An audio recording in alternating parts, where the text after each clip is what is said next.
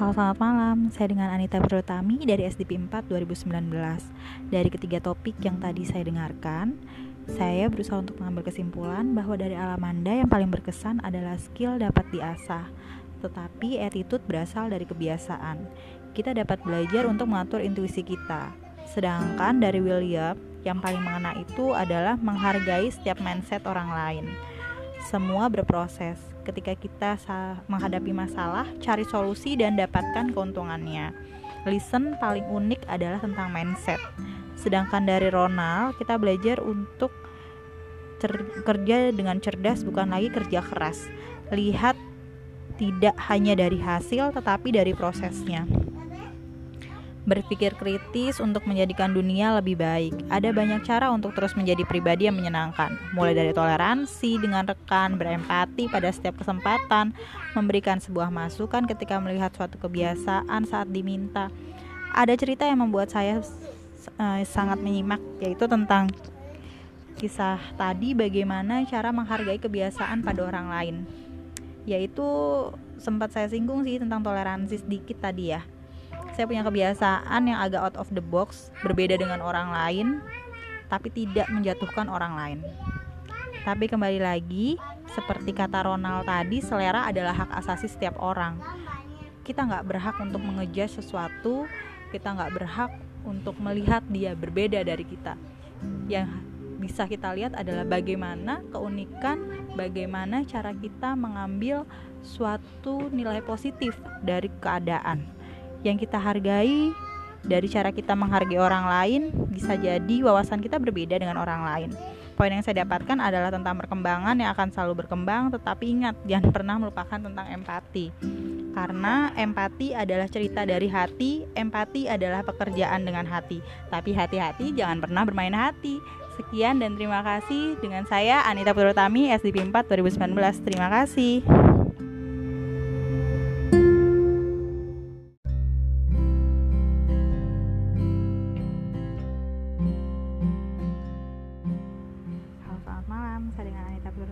Dari SDP 4 2019 jadi dari ketiga topik yang tadi dibicarakan yang pertama merupakan tentang critical thinking yang dibawakan oleh Alamanda.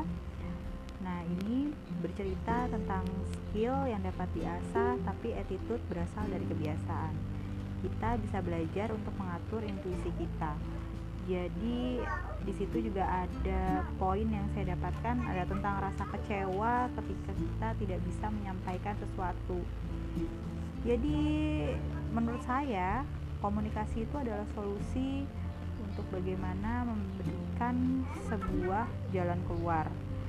Ketika kita nggak dapat untuk memberikan komunikasi yang baik tentunya solusi juga tidak akan bisa didapatkan. Nah kemudian juga intuisi Intuisi ini terasa saat critical thinkingnya semakin menajam. Itu akan muncul dengan sendirinya. Yang ketiga, tentang berpikir kritis untuk lebih menjadikan dunia lebih baik lagi. Kemudian untuk kompleks problem solving yang dibawakan oleh William tadi yang paling mengena buat saya adalah menghargai setiap mindset orang lain lalu tadi juga sempat disinggung dari William sendiri mindset itu ada dua kecerdasan bawaan dari lahir dan kecerdasan adalah proses. Jadi hasil untuk William bukanlah segalanya yang terpenting adalah sebuah proses. Dan yang terakhir tadi tentang navigation your career to the top yang dibawakan oleh Ronald Ronald sendiri menjalani profesi penyiar ini sudah lebih dari 10 tahun. Kemudian menemukan passionnya kemudian menemukan bagaimana dia membanggakan di sana. Sama saja halnya seperti kita menemukan passion di pekerjaan kita. Nggak hanya kerja dengan berangkat pagi pulang malam tapi bekerja juga menggunakan hati. Jadi ada tiga poin uh, sorry ada empat poin di sana yaitu kerja cerdas kerja keras kerja tuntas dan kerja ikhlas. Jadi bisa dibilang dari Ronald ini kita belajar untuk terus berproses. Nah kalau dari tiga hal tersebut sebetulnya ada banyak cara untuk terus menjadi pribadi yang menyenangkan. Karena kita di sini akan menjadi seorang pemimpin yang membawa pemimpin-pemimpin baru nantinya. Di sana kita mulai berpikir kritis untuk menjadikan dunia lebih baik lagi. Mulai dari toleransi pada rekan, berempati pada setiap kesempatan, memberikan sebuah masukan ketika melihat suatu kebiasaan saat diminta. Dari ketiga hal tersebut yang benar-benar menarik menurut saya adalah empati dan toleransi. Karena apa? Tiga-tiganya tadi menyinggung bagaimana berproses dari nol kemudian menjadi sesuatu ada cerita yang buat saya terus menyimak yaitu bagaimana menghargai kebiasaan setiap orang. Seperti tadi yang terakhir saya dengar tentang Ronald bagaimana kebiasaan Ronald menaiki angkutan umum berkomunikasi dengan orang sekitarnya mencoba melakukan sebuah eksperimen yang selalu dia kerjakan sampai sekarang dan itu dilakukan dengan hati tidak hanya sebagai uh, this is just to do yang habit habit yang dia lakukan setiap hari tidak seperti itu. Uh, sama halnya bagaimana kita mencoba untuk menghargai diri sendiri. Kita mulai dengan menghargai orang lain juga. Kita bisa menambah wawasan dari sana. Karena nggak semua wawasan yang kita punya sama seperti wawasan orang lain atau wawasan dari orang lain tersebut sama seperti wawasan kita. Ini tentang empati sih sebetulnya karena empati adalah cerita dari hati, empati adalah pekerjaan dengan hati, tapi hati-hati jangan pernah bermain hati. Sekian dari saya, terima kasih dan selamat malam, selamat istirahat.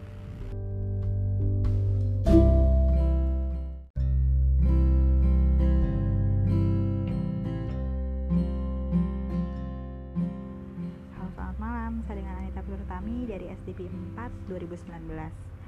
Jadi dari ketiga topik yang tadi dibicarakan, yang pertama merupakan tentang critical thinking yang dibawakan oleh Alamanda. Nah, ini bercerita tentang skill yang dapat diasah tapi attitude berasal dari kebiasaan. Kita bisa belajar untuk mengatur intuisi kita. Jadi di situ juga ada poin yang saya dapatkan ada tentang rasa kecewa ketika kita tidak bisa menyampaikan sesuatu. Jadi menurut saya komunikasi itu adalah solusi untuk bagaimana memberikan sebuah jalan keluar. Ketika kita nggak dapat untuk memberikan komunikasi yang baik tentunya solusi juga tidak akan bisa didapatkan. Nah kemudian juga intuisi. Intuisi ini terasa saat critical thinkingnya semakin menajam. Itu akan muncul dengan sendirinya. Yang ketiga, tentang berpikir kritis untuk lebih menjadikan dunia lebih baik lagi. Kemudian untuk kompleks problem solving yang dibawakan oleh William tadi yang paling mengena buat saya adalah menghargai setiap mindset orang lain. Lalu tadi juga sempat disinggung dari William sendiri mindset itu ada dua kecerdasan bawaan dari lahir dan kecerdasan adalah proses. Jadi hasil untuk William bukanlah segalanya yang terpenting adalah sebuah proses dan yang terakhir tadi tentang navigation your career to the top yang dibawakan oleh Ronald. Ronald sendiri menjalani profesi penyiar ini sudah lebih dari 10 tahun. Kemudian menemukan passionnya kemudian menemukan bagaimana dia membanggakan di sana. Sama saja halnya seperti kita menemukan passion di pekerjaan kita. Nggak hanya kerja dengan berangkat pagi pulang malam tapi bekerja juga menggunakan hati. Jadi ada tiga poin di, uh, sorry ada empat poin di sana yaitu kerja cerdas kerja keras kerja tuntas dan kerja ikhlas. Jadi bisa dibilang dari Ronald ini kita belajar untuk terus berproses. Nah kalau dari tiga hal tersebut sebetulnya ada banyak cara untuk terus menjadi pribadi yang menyenangkan karena kita di sini akan menjadi seorang pemimpin yang membawa pemimpin-pemimpin baru nantinya di sana kita mulai berpikir kritis untuk menjadikan dunia lebih baik lagi. Mulai dari toleransi pada rekan, berempati pada setiap kesempatan, memberikan sebuah masukan ketika melihat suatu kebiasaan saat diminta. Dari ketiga hal tersebut yang benar-benar menarik menurut saya adalah empati dan toleransi. Karena apa? Tiga-tiganya tadi menyinggung bagaimana berproses dari nol kemudian menjadi sesuatu. Ada cerita yang buat saya terus menyimak yaitu bagaimana menghargai kebiasaan setiap orang. Seperti tadi yang terakhir saya dengar tentang Ronald bagaimana kebiasaan Ronald menaiki angkutan umum berkomunikasi dengan orang sekitarnya mencoba melakukan sebuah eksperimen yang selalu dia kerjakan sampai sekarang dan itu dilakukan dengan hati tidak hanya sebagai uh, this is just to do it yang habit habit yang dia lakukan setiap hari tidak seperti itu.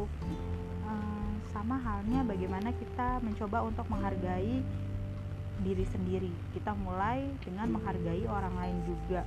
Kita bisa menambah wawasan dari sana karena nggak semua wawasan yang kita punya sama seperti wawasan orang lain atau wawasan dari orang lain tersebut sama seperti wawasan kita. Ini tentang empati sih sebetulnya. Karena empati adalah cerita dari hati empati adalah pekerjaan dengan hati tapi hati-hati jangan pernah bermain hati. Sekian dari saya terima kasih dan selamat malam selamat istirahat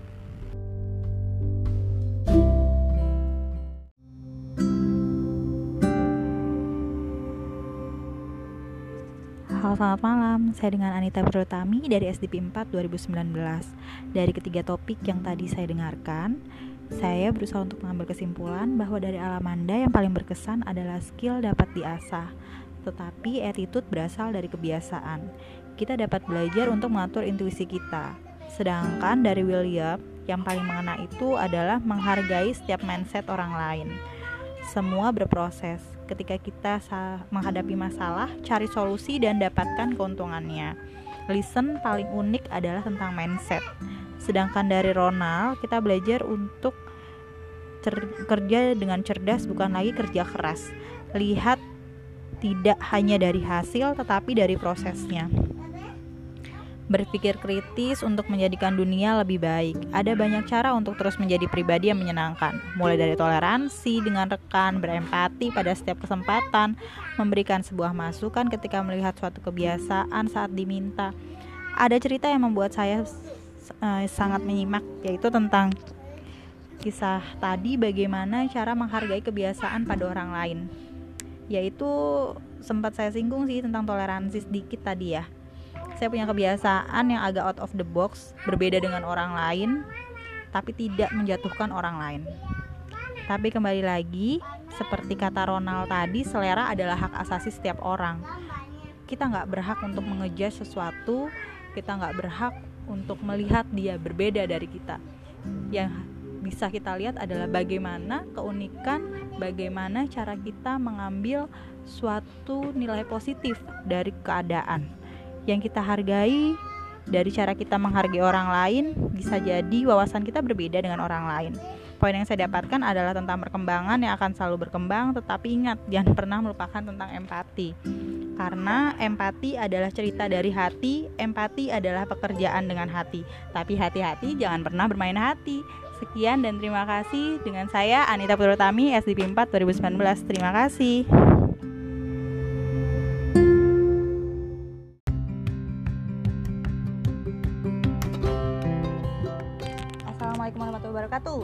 Sore semua. Saya dengan Anita Berwetami dari SDK 4 2019 Oke, gimana? Hari kedua belajar learning dari rumah. Kayaknya keren banget ya. Kalau aku sendiri sih digangguin sama dua anak kecil yang ada di sini. Agak ribet juga Tapi so far so good lah. Karena tugas ini ternyata sangat membuat saya terutama kembali bernostalgia. Oh ya ya harus kayak gini nih kayak yang ngadepin situasi. Harus kayak gini nih paling enggak untuk menjaga keseimbangan dan kebalansan hidup biar lebih waras. Oke langsung aja nih. Kali ini ada sedikit sharing tentang tiga topik. Jadi topik yang pertama itu ada tentang mindfulness at work dari Aji Santoso Putro. Yang kedua ada bahan bakar di balik kesuksesan dari Alexander Sriwijoyono Lalu yang ketiga ada Leading with Course to Solving Problem with Sylvia Halim. Kita mulai ya dari yang pertama tentang Mindfulness at Work oleh Aji Santoso. Jadi, Bro Aji tadi bilang kalau stres itu datangnya dari pikiran. Kadang tanpa disadari adanya modernisasi menghasilkan kompleks kompleksitas. Ah, sorry, agak gelibet ya bahasanya. Jadi di kompleksitas sendiri ada dua, ada apatis, ada agresif. Kalau dengan apatis sendiri itu adalah rasa masa bodoh untuk lingkungan sekitar. Yang kedua dengan agresivitas yaitu rasa untuk melawan, cenderung untuk berbuat sesuatu yang udahlah ya, gue males nih, aku udah gak mau ngerjain ini lagi. Nah, dari dua kompleksitas itu muncullah mindfulness, yaitu pemikiran untuk melatih memberikan jalan keluar. Fleksibilitas mengalir begitu saja. Kadang-kadang, tanpa kita sadari nih, impulsif atau respon terhadap sesuatu menjadi satu-satunya solusi. Nah, peran mindfulness itu adalah menjaga keseimbangan. Memiliki banyak pilihan, contohnya nih, kalau yang aku dengar tadi dan aku aplikasikan dalam hidup itu adalah aku sendiri ibu dari tiga orang anak dengan jarak yang sangat berdekatan bisa aja ketika marah sama mereka ditambah beban pekerjaan di kantor, dikejar-kejar sama deadline bulanan, target bulanan yang belum achieve, orang akan memiliki kompleksitas eh, yang resikonya akan lebih reaksi yang meledak-ledak atau akan dicuekin gitu aja. Nah, peran si mindfulness ini muncul menjeda terlebih dahulu baru kemudian mengambil keputusan. Yang membedakan apa sih manusia itu dengan makhluk lainnya? Jadi gini, pendekatan dengan feeling, kita punya pilihan buat kayak gitu. Tapi apa iya harus dengan meledak-ledak? Enggak kan? Benar gitu nggak sih? Nah, yang berikutnya dari Alexander Sriwijono, beliau menyoroti tentang kemelekatan yang terjadi pada karir seseorang. Nggak semua orang cocok dengan karir yang sedang mereka jalanin. For example, ada yang berusaha tinggal untuk menjalani dengan hatinya tapi ada juga yang meninggalkan karena nggak sesuai sama jalannya sama passionnya. Tiga hal yang paling penting yang gue catat tadi ada expectation asumsi sama attachment. Dan itu untuk membantu perkembangan karir. Kita perlu banyak belajar dengan memperhatikan networking. Ada banyak jalan menuju Roma. Nggak hanya kita harus melihat disegmentasikan wah kabut kondangan nih harusnya di gedung A aja nih. Atau kalau mau jalan harus sama si B aja. Atau sama si C yang dia punya potensi traktir lebih oke. Okay. kayaknya nggak gitu juga. Nah untuk network networking sendiri ini harus dilakukan dengan hati. Paling enggak kita coba deh buka wawasan. Kita coba buka jalan ke sana ke sini uh, mencari cara siapa yang tahu gitu kan kalau ternyata ketika kita hadir di kondangan yang ada cuma di rumah tetangga depan kantor eh ternyata si pemiliknya atau si pemilik cateringnya atau kasih mempelainya di sana punya relasi yang jauh lebih luas. Siapa yang tahu? Who knows? Gak ada yang pernah tahu itu.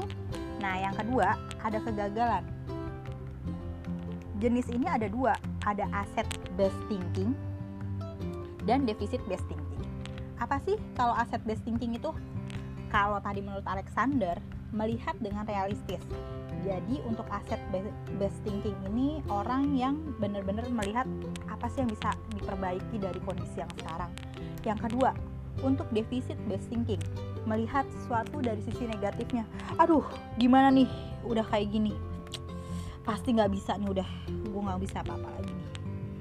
Oke, kalau udah kayak gitu, pilihannya tinggal ada di diri kita nih. Mau jadi aset based thinking atau defisit based thinking. Wawasan bertambah untuk mencari inspirasi yang tepat pada waktu yang cepat. Apa aja sih investasi yang gak terlihat itu? Masih menurut Alexander, ada tiga.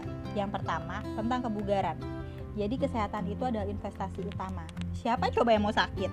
Tapi kalau kita sedang ada di posisi sakit itu, ada banyak juga kok yang bisa kita lakuin tadi sempat aku dengar juga Alexander ini jadi pernah lumpuh.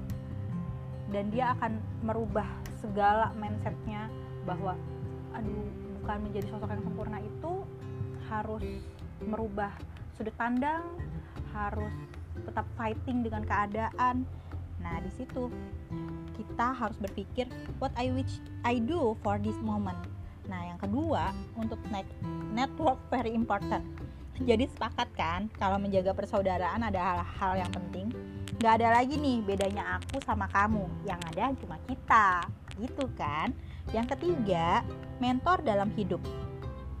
Setiap orang minimal memiliki satu orang mentor dalam hidupnya. Tapi ingat, di era sekarang, siapa pun bisa dijadikan mentor kita dalam hidup. Bisa anak kecil yang lagi lewat, atau bisa jadi dia yang sudah tua tapi punya pengalaman dan jutaan uh, proses untuk menjalani hidupnya. Belajar itu nggak orang nggak harus dari orang yang berpendidikan. Belajar itu menurut aku bisa dari pelajaran hidup orang lain.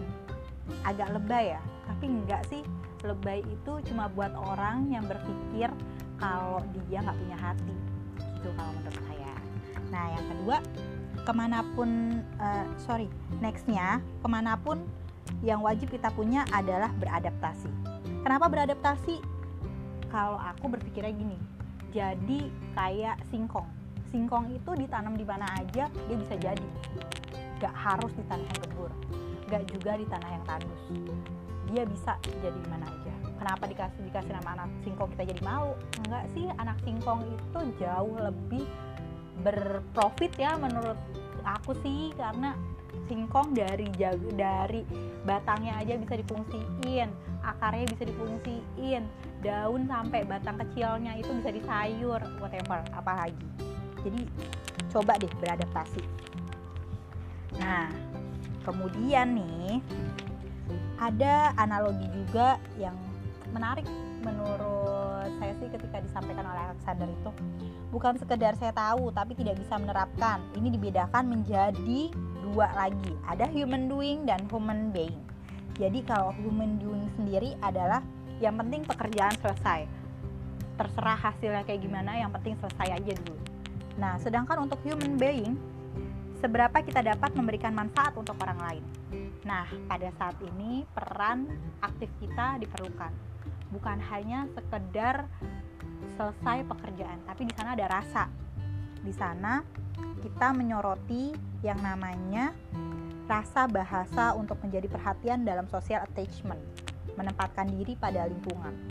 Ini kadang-kadang nggak ada juga sih di gadget yang ada yang timbul pada saat kita secara otomatis habit yang biasa kita lakukan. Coba deh mulai dari sekarang. Itu menarik sih kalau menurut aku. Kemudian beliau juga menyampaikan tentang analogi huruf T. Huruf T itu kan terdiri dari dua ya. Ada yang bagian atasnya yang menghadap e, vertikal dan ada yang di bawahnya menghadap horizontal.